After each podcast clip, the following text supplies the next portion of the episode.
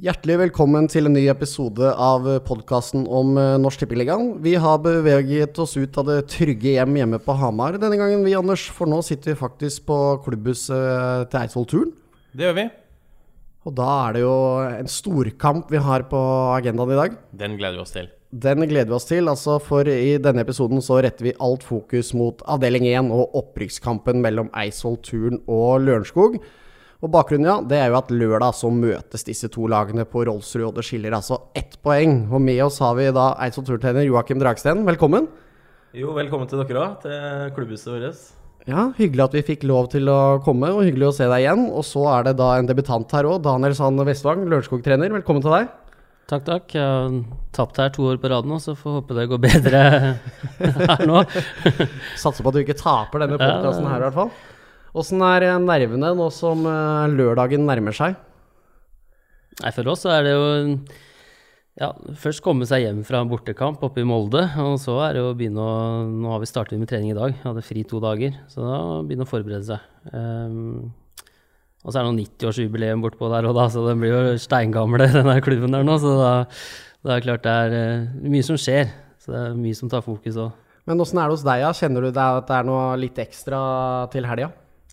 Ja, det er, det er en deilig følelse, egentlig. Er, jeg syns liksom at det er for få sånne kamper. Eh, klart man kan være nervøs i forhold til at man underpresterer og gjør en dårlig kamp og kan tape for et dårlig lag, men når man møter liksom lag som, måte, hvor det er, det er lite som skiller, og, er, og, da, og, sånn vil man gjerne ha hver uke. Da. Den følelsen av kan dette gå, eller hva er det som kan gå gærent her? Eh, uten at det skal gå på undervurdering og at man slipper inn på en dødball, og så har man pressa hele matchen, liksom. Det er ikke der.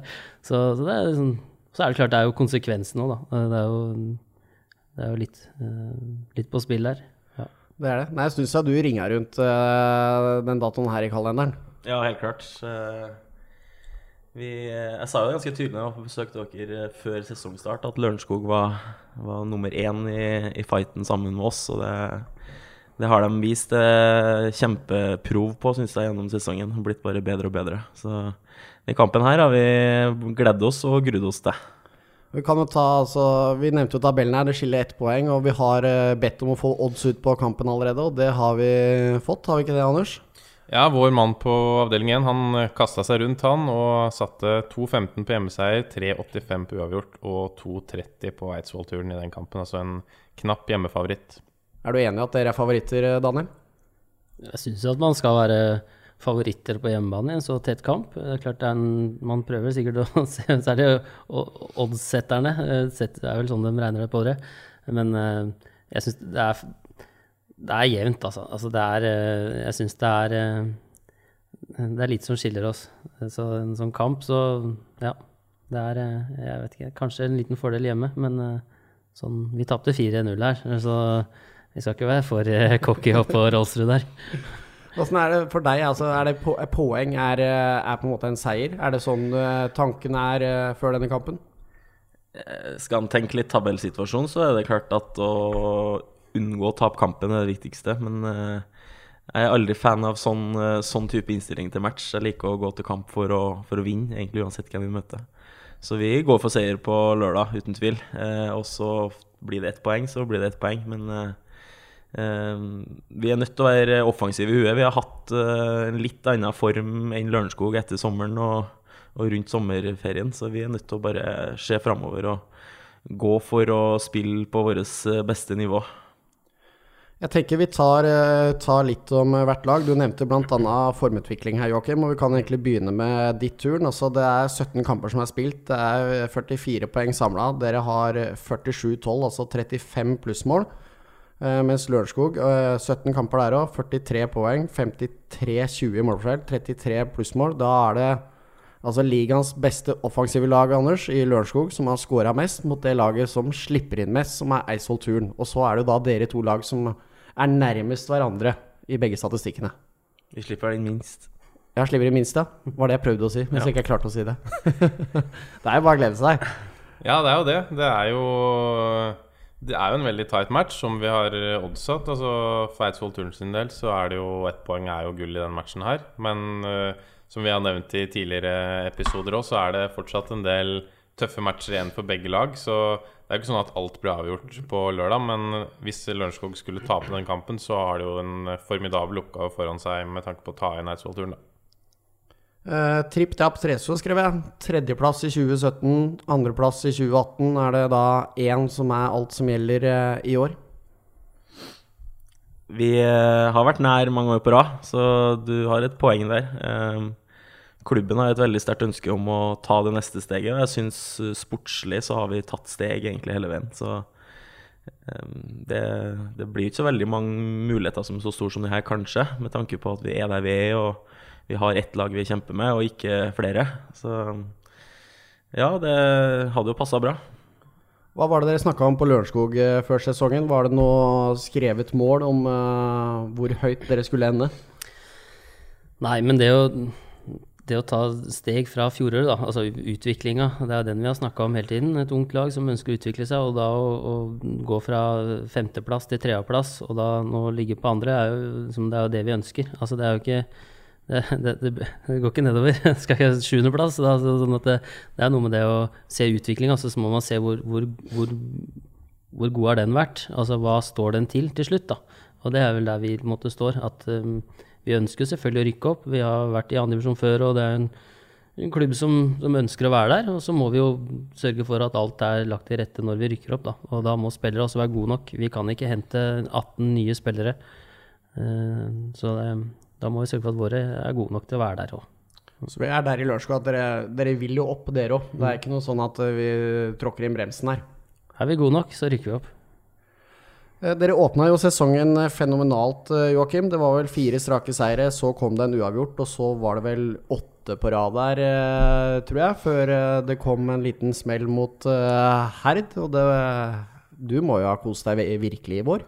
Det har vært en kjempesesong, egentlig, så langt. Vi vi starta så bra som vi håpa på. Og så er det sånn i, i fotball at uh, du kan aldri forvente å bare surfe gjennom og ta tre poeng hver eneste helg. Sånn, uh, det er for mye som spiller inn da, på hva resultatet blir. Så det at vi har avgitt litt poeng her og der, det er helt naturlig. Uh, vi har hatt som mål om å, også som Daniel sier, å forbedre oss fra i fjor.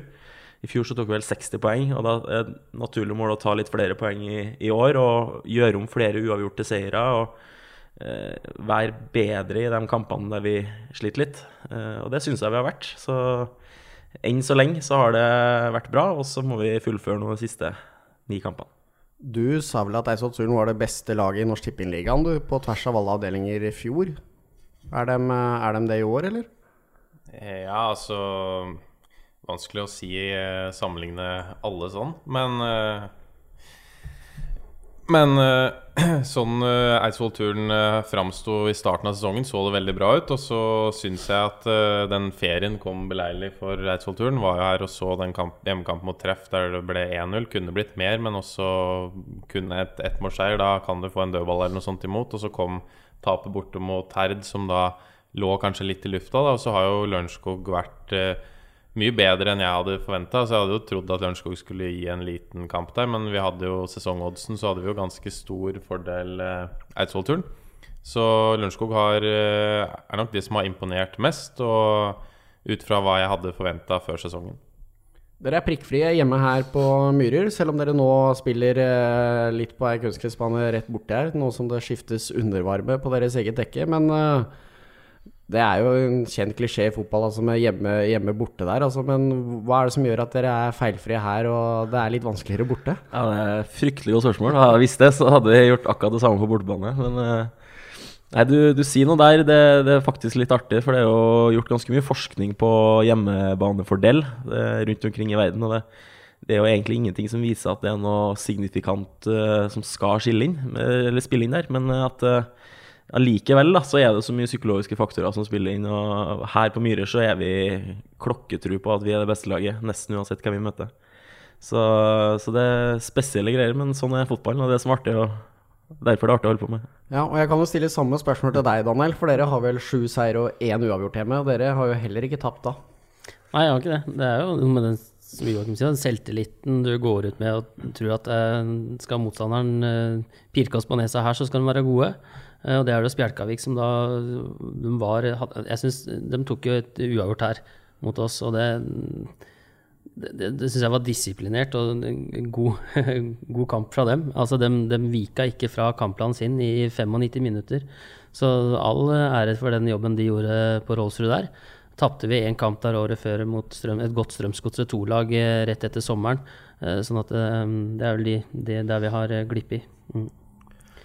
Ja, Bjelkavik er vel for så vidt også det eneste laget som Eller så jeg har spilt uavgjort mot begge her. Og det er jo et lag som har et veldig høyt toppnivå, men ditto veldig lavt bunnivå. Så hvis de hadde klart å stabilisere det toppnivået sitt, så tror jeg de kunne vært med i, eh, i toppen og, og kjempa. Det er mye bra spillere, så har jo de mista et par nå, da, men eh, et veldig bra lag i Spjelkavik. Jeg syns jo det, og jeg sa det akkurat der eh, etter vår bortekamp mot Spjelkavik, at når vi spilte 1 igjen at det er et lag som begynner å stable et par seire på beina her, så er de i toppen med en gang. Så jeg er litt overraska over at det gikk såpass eh, rufsete likevel gjennom eh, midtre del av sesongen for deres del. Det har vært litt sånn klassisk Ålesund-lag egentlig flere sesonger i Norsk Tippingligaen. Det er veldig gode hjemme og så sliter voldsomt på bortebane. Her i dag er jo ikke topplag nå, men de har jo vært et topplag tidligere og vunnet alt hjemme og knapt vunnet en bortekamp. Så det er litt sånn eh, Ålesund-syndrom. Det er jo en del lange reiser for dem. Det er ikke så mange lag som ligger i nærheten. Så det, det er det der med bortebane igjen. Da. Dere kommer fra en 1-0-seier hjemme mot Kråkerøy her nå sist, og da var det vel, eh, som jeg leste, det var Robin Hofer Dahl som ble byttet inn og ble matchvinner, og det var vel en slags eh, comeback for han, for han røk vel eh, tidlig i sesongen? Det er riktig. Han avslutta å si, første del av sesongen sin med hat trick til pause. Og så kom han til meg i pausen og sa han hadde vondt under foten, og vips var han ut uh, resten av sesongen nesten. Så det er fryktelig kjedelig og rar skade som det var ingenting å gjøre med. Så han bare måtte ha trent masse alternativt. Men uh, når han fikk lov å komme inn på siste halvtimen i helga nå, så var det, det var så mye krutt der at uh, jeg visste ikke hva han skulle gjøre av seg. Så han kunne ha skåra flere òg, men ganske deilig både for oss og for han selvfølgelig å få han i gang igjen. Og det har jo skjedd litt i stallen deres nå i sommer. Det har vært eh, Det er jo noen skader der, blant annet, og det har kommet eh, noen spillere inn. Blant annet mister Navarsete, som har gått rett inn i Forsvaret. Ja, vi har jo jakta litt en eh, midtstopper etter André røyk i kampen mot Lørenskog. Så det har vært et av hovedmålene våre gjennom sommeren å få tak i en midtstopper som kan gå inn og på mange måter erstatte han. Det er jo vanskelig med den kvaliteten André har, og, og ikke, ikke, bare det, men også den typen og den presensen jeg har på banen, med å prate og styre og ta ansvar. Så eh, det har vært vanskelig, men vi har landa på, på, Henrik og virker som en kjempefyr som kommer fra å være en kapteinstype i tidligere klubb. Og, og ikke minst så kjenner han jo stoppermakkeren sin her i turen eh, veldig godt. Så da Var det så fjerde gang de nå spiller sammen? Ja, det, det er vel strengt tatt tredje gang de spiller sammen. Eh, for de har vært i samme klubb fire ganger. Men de overlappa hverandre i Reddy, visstnok. Så, så, men det, det, er to, som, det er to bestekompiser, så det, det, er klart det var ikke noe minus det da for oss når vi fikk muligheten til å få tak i han. Er ikke det litt kjennetegn av opprykkslaget? At du ligger på toppen der, men uh, du ser hele tida etter forbedringer og muligheter for å styrke stallen? Ja, det må du gjøre. Selv de som er helt øverst i pyramiden i norsk fotball, må jo hele tiden se jo eliteserielagene forsterker seg. Det er jo sånn uh, Hvis man blir for komfortabel, så kommer det fort et uh, lite tap. Hoppe litt over til uh, Lørenskog uh, og deg, Daniel. Altså, dere åpna sesongen med å tape mot uh, rekruttene til Sarpsborg 08. Og så vant dere sju kamper. Trengte dere en i fleisen for å komme i gang, var det det?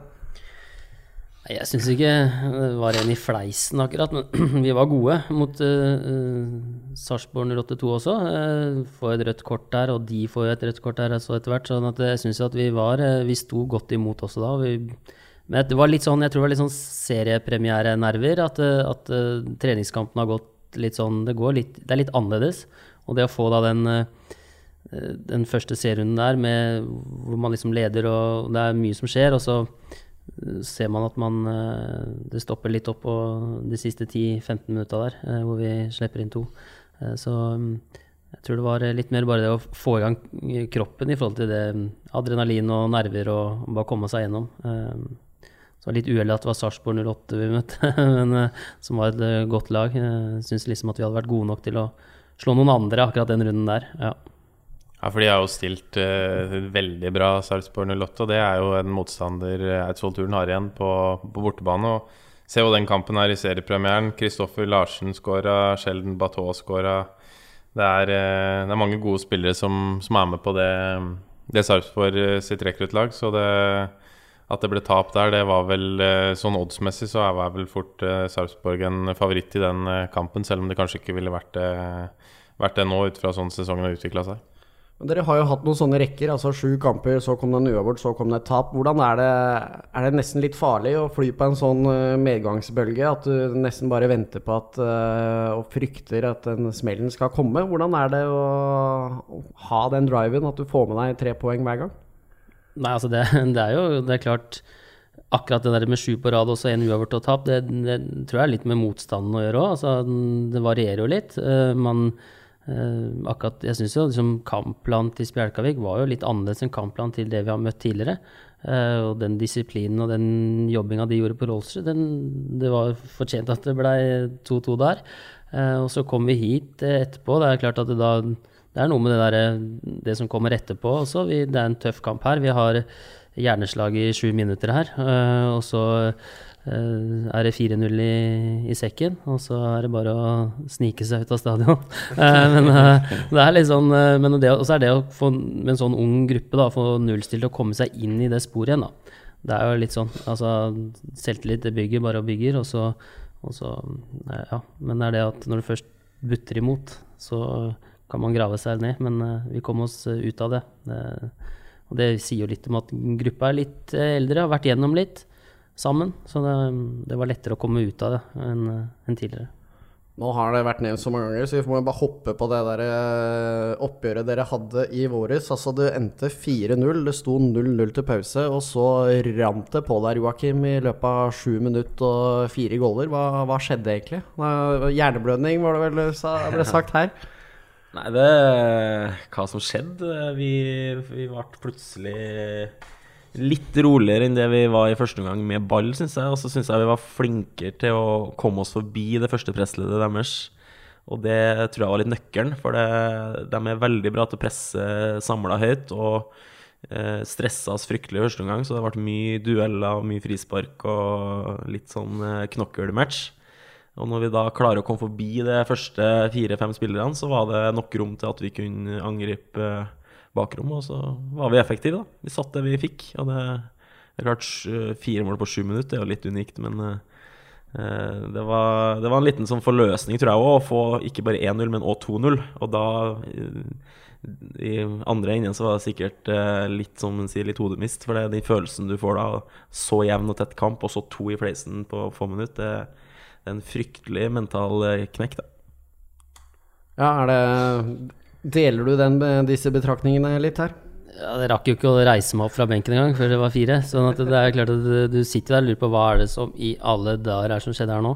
Uh, men det er liksom altså, Måten de måla kom på, blei snakka om i pausa. Altså, vi, vi vi snakker om det. Vi snakker sammen om ok, greier vi å håndtere det. Greier vi å håndtere det spillet? Det kommer til å komme mer. Kommer å komme, de kommer til å justere. Vi, de, sitter ikke og ser på sånn som den første omgangen blei. De kommer til å justere dem også.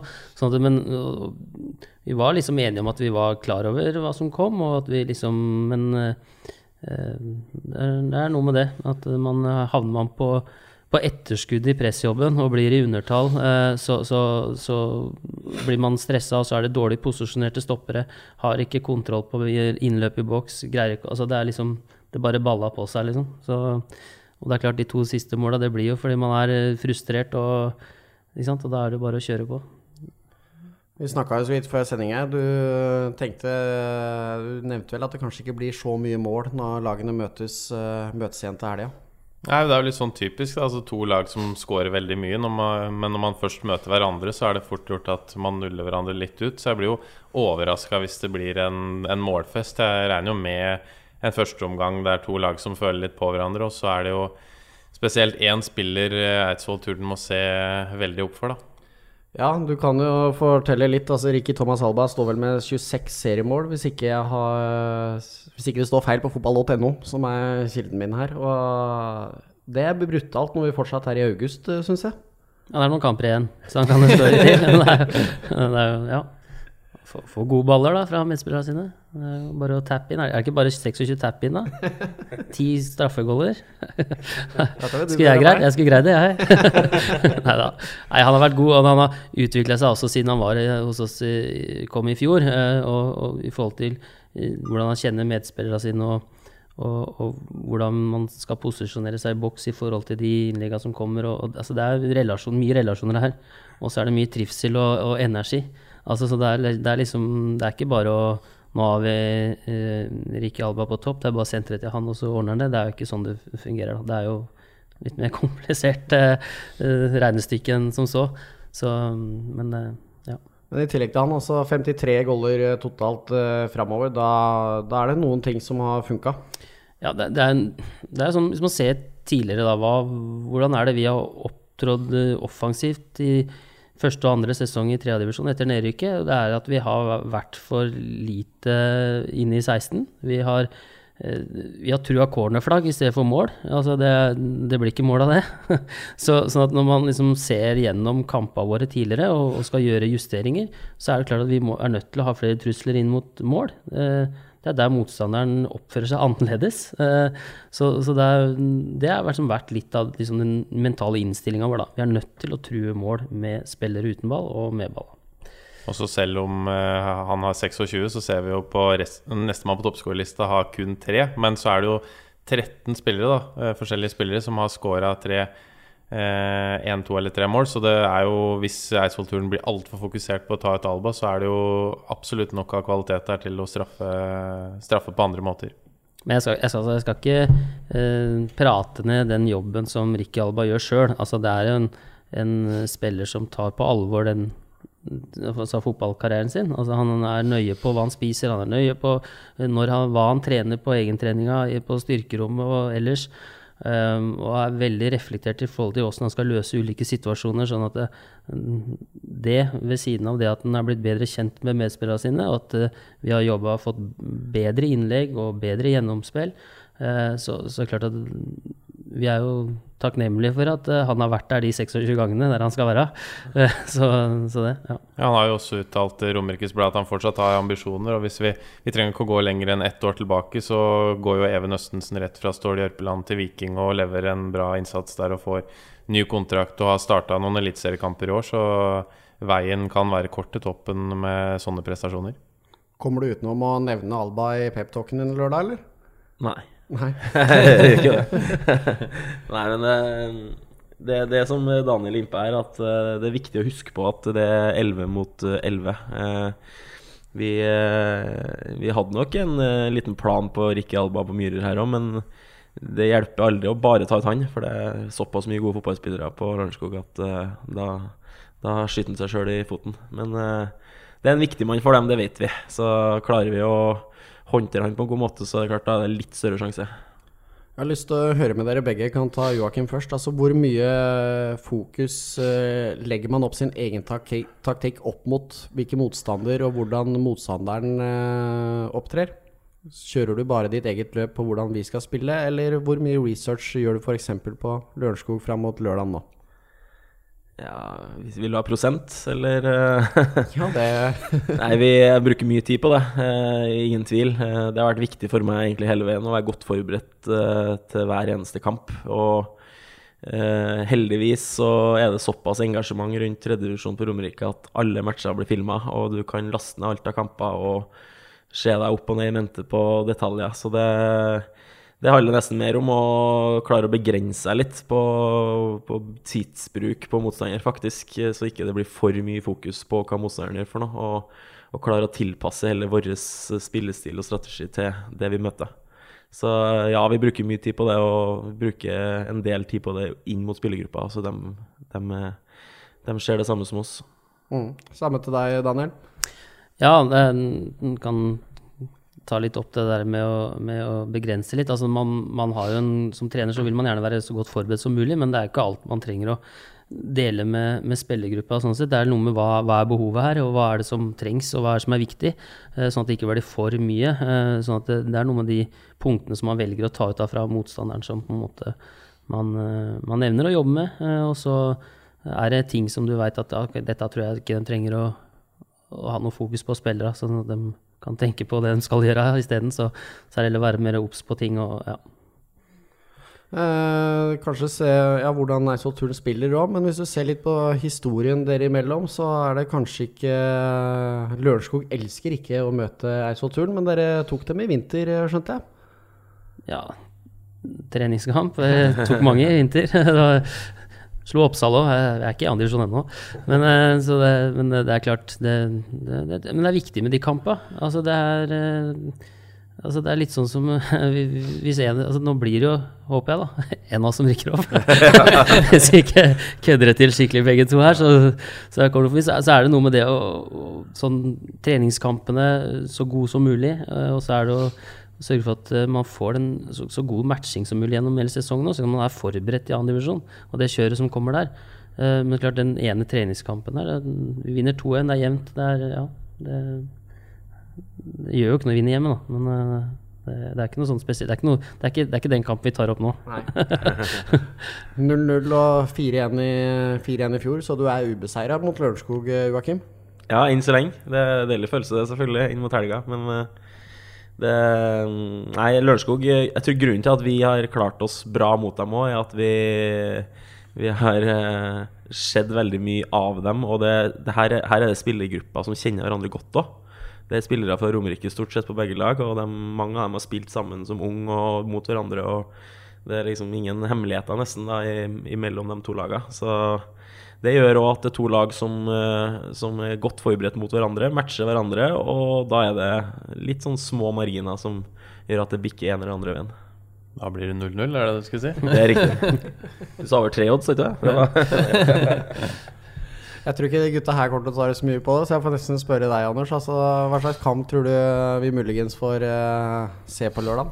Jeg var vel litt inne på det i stad. Jeg tror det er to lag som kommer til å være litt forsiktige fra start av. Kommer man under tidlig der, så er det et elendig utgangspunkt. Så det, jeg blir overraska hvis det er mye fram og tilbake i starten. To lag som, uh, som ligger og kontrollerer og, og føler litt på hverandre. Og så Forhåpentligvis da åpner det seg litt utover i andre omgang. Kanskje hvis vi får en, eh, en litt heldig scoring, så kanskje det andre laget må fram, og så blir det en litt åpen kamp. Men jeg, jeg skal ikke si jeg blir veldig overraska hvis eh, det ender 0-0. Det er jo litt sånn typisk at nå går vi alle og gleder oss kjempemye til den kampen, og så er det to lag som er veldig redde for å tape og er, skal nøytralisere hverandres styrker, og da blir det 0-0 og knapt en målsjanse. Så det er jo, det er jo en fare ved det.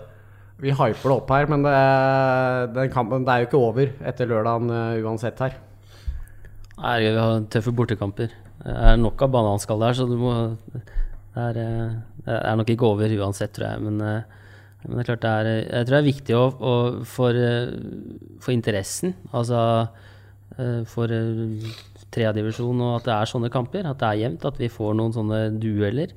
Uh, vi trenger å liksom, få opp interessen rundt den breddefotballen og, og, det vi driver med. Uh, spør du folk på gata, så er de mer interessert i åssen det går med Everton og Leicester enn en, uh, klubben som er 200 meter ned i gata. Så jeg tror det er viktig at vi får opp blest rundt både annendivisjon og tredjedivisjon. Ja. Så derfor er det viktig med disse kampene. Så får vi hyper opp, som sånn var det. Det var jo litt i samme situasjon i fjor, Joakim, med en kamp mot uh, Kvikk Halden der. Dere var jo litt på etterskudd, men var jo i teorien oppe til pause i siste serierunde. Altså, hva har du og spillergruppa lært av det som skjedde i fjor? At du skal spille helt uh, serien er ferdig, før det noe er avgjort. Men uh, nei, det er som du sier, det var i teorien egentlig det, det du nevner der i pausen i Bjørnevann. Så, men allikevel så så er det litt sånn eh, Det er viktig å ha vært igjen det, tror jeg. Det, vi snakker litt om det her å bli litt eldre og litt mer erfaren og moden, men ikke bare som enkeltspiller, men også som gruppe. Og vi har vært heldige, vi å kunne beholde store deler av den troppen vi hadde i fjor. Og da er det ei gruppe som står veldig sammen om hva, hva, vi er på vei inn i. da. Eh, og det er derfor, som jeg nevnte til dere før sending i dag, at vi har fantastisk gode treninger og kjempe, kjempetrykk på hver eneste økt nå, fordi det er så syk tenning på å ta den innspurten av sesongen der. Og for dere som nå altså, trener hvert deres topplag i tredje divisjon, eh, hvordan gjør det å se det at de nye, flere av de nyopprykka lagene gjør det så bra i andre divisjon? Altså Ref Kvikk Halden, som er eh, helt der oppe, f.eks. Ja, må jeg bare korrigere deg litt der. Eh, Det er vel fire av de seks nyopprykka som ligger på nedrykk. Så, To, da. ja. så flesteparten sliter jo. Det er jo Det skal, er jo ikke til å stikke under en stol det at det er postnordnivå Det er fryktelig høyt. Jeg har vært og sett noen kamper der de siste ukene, og det er, er ikke mye som skiller eh, Obos-ligaen der. Og nevner jo Kvikalden, og det, som vant den avdelinga her i fjor. Og det, de, de har jo forsterka seg litt, det skal jo nevnes, men med litt flyt Eller med ordentlig flyt på tampen av sesongen nå, så tar jo de et direkte opprykk og spiller Obos-ligaen neste år. Så det, det viser jo også, da, som du kanskje skulle fullføre det spørsmålet med, at eh, det er muligheter til å hevde seg i toppen med noen eh, riktige investeringer, og, og i tillegg til at man beholder sine beste. Ja, og du var jo inne på det med jobben å gjøre for å nettopp være klar for å ta det nivået. Og det er jo, det er jo som vi sier, det er jo et nivå opp. Ja, det er det. Og det, det er noe med å være klar. Uh, så ser vi det. Vi ser jo at en, når jeg tok over som assistent, og, og, og Julian Madsen som hovedtrener etter et nedrykk fra andredivisjon, hvor eh, dommeren hadde ikke blåst av kampen før spillere satt i bilene sine på vei til nye klubber. sånn eh, da sitter vi igjen med, med juniorspillere. eh, og det er noe med det å ikke havne i en situasjon. Stabilisere seg i andredivisjon og få en, en At det er nivået, da. Og, det å bli sånn jojo-lag, og at du rykker ned og må rydde opp, og så tar det mange år igjen å komme opp på det samme nivået. Så jeg tror man må være klare når man først skal rykke opp. Og jeg, jeg tror nok at nå, når vi ser det sånn som vi første sesongen vår, så vi er i samme avdeling med Mjølner. Eh, Første året deres i andre divisjon gikk også eh, greit. Nå ligger de på nedrykk, eh, og, nå så har vi Kvikk Halden fra i fjor da, som, som, som gjør det bra. sånn at det, man har jo sett litt, man har litt referanser på, på hva, hva som går og ikke går. Selv om dere er eh, ganske gode naboer, eller gode naboer egentlig, for det var virka som vi er enige om at hvis ikke vi går opp, så kan dere få gå opp. Vi vil ikke ha lag fra et annet distrikt som går opp. Er det, er det sånn det er, Joakim? Ja, heller eh, Romerike opp og nikke, spør du meg. Men eh, vi vil jo helst opp, vi, da. Nå er jo nærmest eh, Altså Sarpsborg og Moldes rekruttlag er nummer fire og fem, så Nei, nummer tre, tre og fire. Og dem går Nei, de vil vel sannsynligvis ikke opp heller. Eh, Da må de stille fryktelig sterkt for å klare seg i PostNord. Men ser vi da femteplassen, som er Spjelkavik, har 20 poeng til toppen, så eh, vi kan vel si at vi gidder vel ikke å sette odds på om Eidsvoll-turen eller Lørenskog rykker opp. Den, den er vel en én blank oddser, tror jeg. At det blir en av de to. Men uh, lokalfotballen rundt der òg, det er jo egentlig Du nevnte jo få opp engasjementet òg, men det er jo Romerike ligger jo ganske langt foran visse andre steder i landet, syns jeg, når du kommer til lokalfotballen. Det er blant annet en, nesten så det er artigere å spille fjerdedivisjon her, for der er det jo veldig blest rundt uh, avdelinga. Ja, det er jo verdens beste fjerdedivisjon, uh, så tydeligvis. Så jeg er glad vi har rekruttlag der.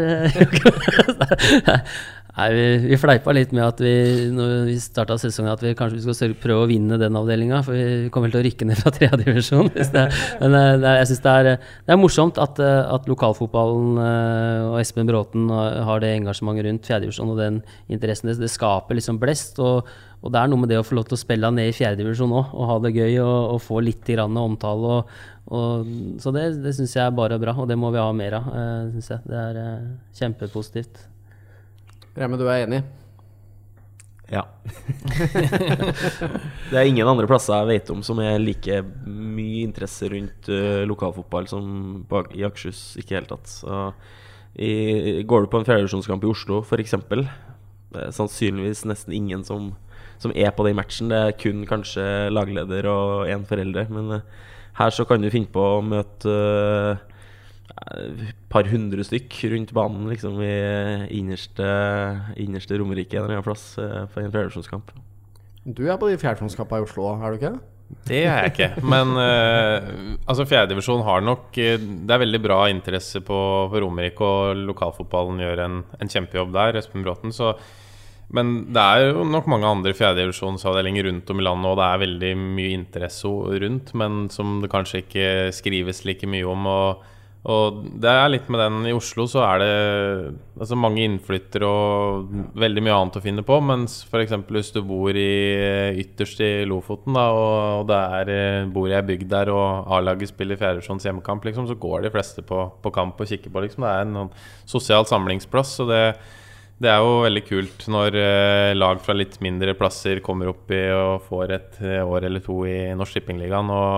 Du ser jo bare hvor mange som, som kommer på kamp. da Sånn F.eks. Noril, som har liksom masse engasjement rundt. Og det er veldig kult da for lag som er litt utenfra, å få besøk fra storlag. Så, så det er morsomt.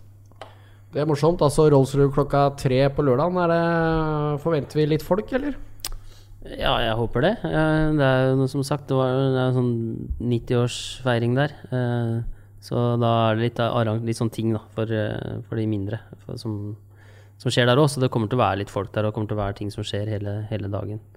Uh, ja, altså klubben som fyller 90, ikke, det er ikke, ikke, en, ikke en mann eller dame som er dame. Det, det, er noen av de Det er noen av de ildsjelene der òg som har sikkert vært der siden da. Så.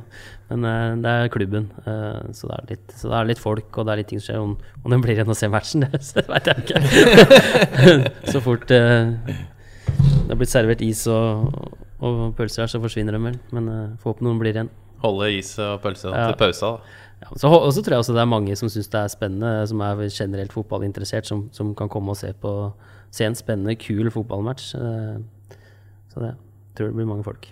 Tror jeg. Kommer det en viss islending med navn Ingolfur Ørn Kristiansson da, tror du?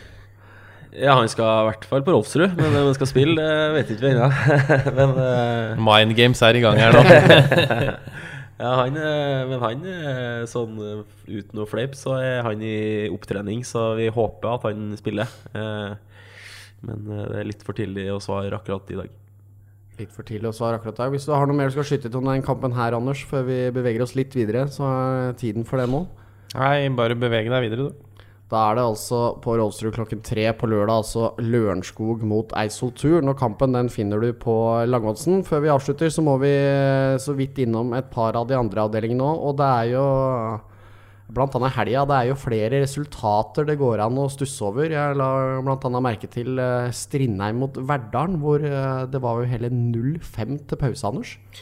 Den var det ikke så veldig mange som hadde sett komme. Vi hadde vel noe sånt som 1,35 eller noe sånt på Strindheim. Verdal har jo plutselig våkna her, da. Tatt uh, åtte poeng på de fire siste kampene etter at de fikk uh, stryk med 0-4 på Sve mot Brumunddal for en måned siden omtrent. Så nå har de jo Raufoss 2 på hjemmebane i neste kamp, og vinner de der, så er de faktisk med igjen og, og, og i kampen om å holde seg. Og det, det skal jeg ærlig innrømme at det hadde jeg ikke trodd etter den vårsesongen de har hatt. Har du koll på hjemlig distriktet, Joakim? Hvilke Steinkjer virker jo fortapt i bunnen med åtte poeng. Verdalen er på Nørik, Orkla så vidt over. Hvem uh, tror du berger seg der?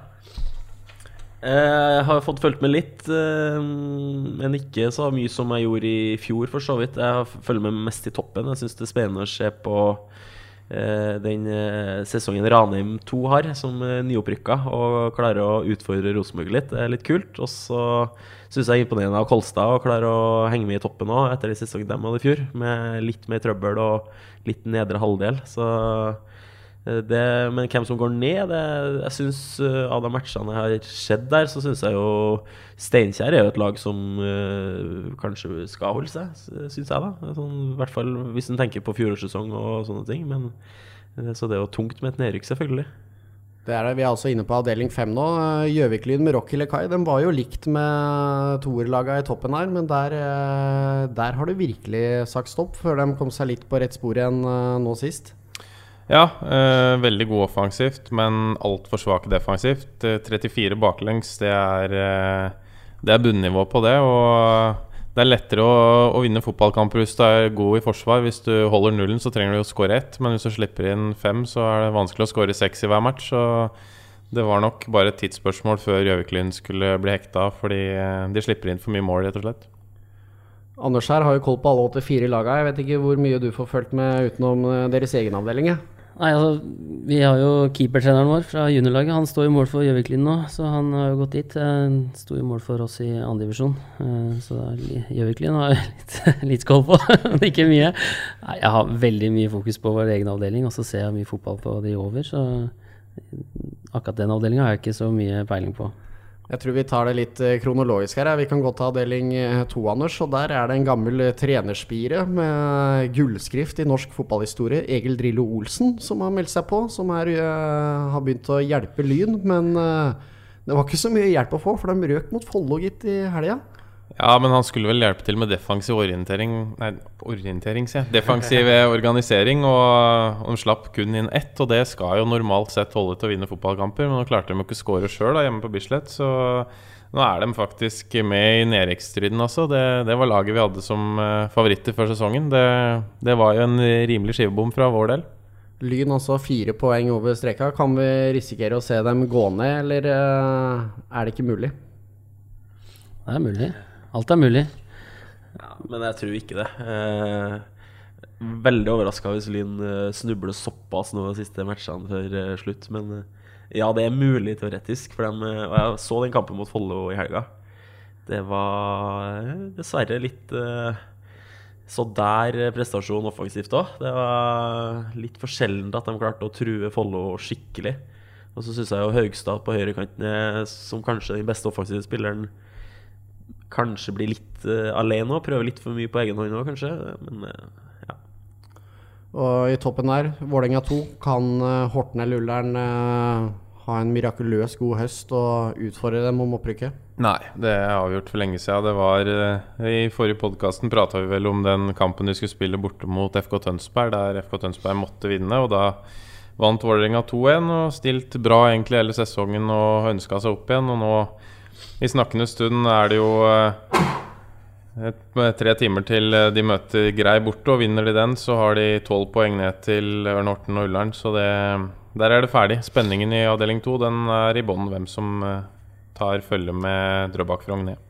I avdeling tre så er det fortsatt eh, Fløy Flekkerøy som har eh, et godt bein inn i andredivisjon. De leder per dags dato med ni poeng på Mandalskameratene, som tok en sterk seier på borte mot eh, Start eh, rekrutter, i hvert fall. Og nå har vi Vardenes eh, under streken sammen med Bryne 2 og Storm. Ja, der er det også veldig jevnt i bånn. Litt som i avdeling to, det er avgjort i toppen. Eh, Fløy hadde vi som eh, favoritter før sesongen, ganske klare. Og de har også innfridd, ikke tapt. Eh, Skrøt litt av Mandalskameratene på eh, Twitter i går. Det er jo Starta sesongen eh, med var det, tok fire poeng på de fire første, og siden den gang har de ti seire og to uavgjorte. Og det jeg må igjen trekke fram Joakim Holtan. Altså. Han har vel Hvor mye var det nå? 21 seriemål eller noe sånt. Så det at han fortsatt spiller i Mandalskameratene, det er ganske ufattelig, ufattelig å forstå. Eh, han kunne godt starthenta, han hadde levert i Obos òg, det er jeg helt sikker på. Men eh, han er velkommen på Briskeby hvis han hører på der. Eh, vi hopper over til avdeling fire, og vi. Altså Djerv 1919 de har jo hatt en fenomenal start på sesongen og holdt unna, men nå har de gått på et par smeller, og Vard Haugesund virker å ha tatt initiativet. Men eh, Lysekloster kommer, eh, kommer farlig nær her, dem òg. Ja, vi kunne jo like godt vært i Bergen i dag. Det er jo en, eh, en litt lengre tur. Men det er jo Lysekloster Vard Haugesund eh, på lørdag, så spørs vel om det blir en tur på Rolfsrud og så sitte med mobilen og håpe at den andre blir streama. Uh, Djerv 1919 uh, virker å ha stoppa litt opp nå. Uh, Tapte hjemme mot Lysekloster i helga. Da, da ser det ut som de er i ferd med å bli hekta der. Så står nok opprykkskampen mellom Lysekloster og Vard. Lysekloster har jo ti strake seire, så en eller annen gang må vel de ryke på et poengtap òg. Uh, kan jo bli i helga. Uh, da er jo Vard uh, fornøyd med poeng. Og det vil jo lede fortsatt, mens Lysekloster tar seg forbi og leder med ett poeng hvis de vinner den. Så det blir en kul match. Kan Valdres holde seg?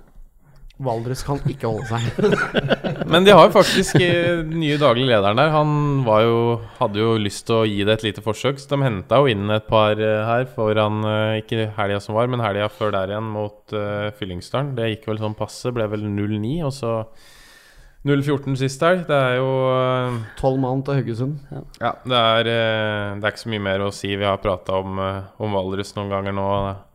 Det er bare å fullføre, så får vi, får vi ønske de god tur på de matcha de har igjen. Så er det da avdeling seks. Der er det jo de lagene, et par lag fra Romerike bl.a. Uh, spørre dere om Gjelleråsen, gutter. De åpna jo veldig bra her. Står nå med 31 poeng. Likevel kanskje en imponerende sesong så langt. Ja, de leda jo til sommeren, til pausa. Og så hadde de litt uheldig, Da tatt de tre på rad etter ferien der, tror jeg. Og så kom de i gang igjen nå. Uh, Henta en del spennende spillere i sommer. Uh, så det er jo uh, Ser ut som de har noe på gang der på li. Ørjan Heiberg der også, men uh, venn av podden, som vi får kalle det. men der, det er altså Finnsnes som har festet grepet. Sist nå 4-3 mot Melbo. De, ja, vi la jo ut klippet her fra Finnsnes Hønefoss. Du kan jo ta det som skjedde fra 90 ja. minutter inn der, Anders. Det er jo spinnville greier. Ja, det var jo helt galskap. Altså Hønefoss leder 1-0 til, til, pause, og det er Remon Mendy som har skåra. Og rett etterpå så hadde han en helt grusom tofotstakling eh, midt på halvdelen og fikk direkte rødt kort, helt fortjent. Og så klarer ikke Finnsnes å skape all verden. Hønefoss holder unna, men ti minutter før slutt kommer Hønefoss på en overgang, og da er det Lulaku som blir holdt igjen, og istedenfor å bare være litt kjølig og ta det frisparket, så mister han huet fullstendig og sparker ned Finnsnes-spilleren. Og får da direkte rødt kort, også det veldig fortjent. Og da er det 9 mot 11, og så ser det faktisk ut som den skal klare å holde inn, men i 30 sekunder før vi passerer 90, da utligner Thomas Aloysius på et eh, ferdigskåret innlegg fra Vebjørn Grunvoll. Og det er jo en match Hønefoss egentlig må vinne. Og så kommer det en overgang tre minutter på overtid, da skårer Aloysius sitt andre. Og da er uh, Hønefoss fullstendig hekta i toppkampen. Men så utligner faktisk keeper Andreas Wedeler seks minutter på overtid. Den, uh, har du ikke sett det ennå, så må du gå inn på videoarkivet vårt på, uh, på Norsk Tippingligaen på, på hjemmesida og se det. Det er uh, ville jubelscener, men så var det jo uansett to poeng for lite, da. De har har fortsatt ti poeng opp til Finnsnes, og det er ni kamper igjen, så det, det skal jo ikke gå. Her har dere ønskelista lørdag, eh, for lørdagen, eh, karer, på hva vi ønsker oss, altså. Det er eh, like ellevilt drama, så kommer vi til å kose oss. Kommer til å være spillere igjen, da. Vi har nok skader begge lag, tror jeg. Og så, Som du nevnte, Finnsnes vant 4-3 mot Melbo. Den kampen lå de jo under 1-3. Skåra vel ti mål i løpet av ti minutter Nei, ti mål? Tre mål i løpet av ti minutter ganske sent i andre omgang, så det ser ut til at det blir en kamp mellom uh, Finnsnes og Fløya. I hvert fall et uh, grønt lag som uh, rykker opp. Skjervøy mista Ørjan Skallebø til Tromsdalen, og da virka det å stoppe litt opp. Og så, som nevnt, har Gjelleråsen tre tap på rad som gjorde at de ble hekta av litt. Og da, da ser det nå ut til å bli en kamp mellom Finnsnes og Fløya der. Da har vi vært uh, så vidt innom uh, alle avdelinger. Da får jeg bare til slutt minne om uh, toppkampen altså på lørdag. Lørenskog mot uh, Eidsvoll Turn med avspark 1500. Lykke til, karer. Takk. Og tusen hjertelig takk for, for, praten. Så blir det spennende å se da hvem som får grunn til å juble på lørdag. Ja. ja vi får se nå. Det skal bli 0-0, så det er de, de som spiller uavgjort. Spill uavgjort på Langhalsen. Kanskje det er du som jubler. Uh, minne igjen bare om uh, tribunekampen på våre hjemmesider, hvor du kan vinne 50 000 kroner til deg sjøl og 50 000 kroner til ditt favorittlag i Norsk Tippingligaen. Og hvis du skal dele noe i sosiale medier, så bruk hvilken hashtag, Anders? NT-ligaen. Hashtag NT-ligaen, så får vi det med oss. Det var det for denne gang. Med det så sier vi takk og farvel.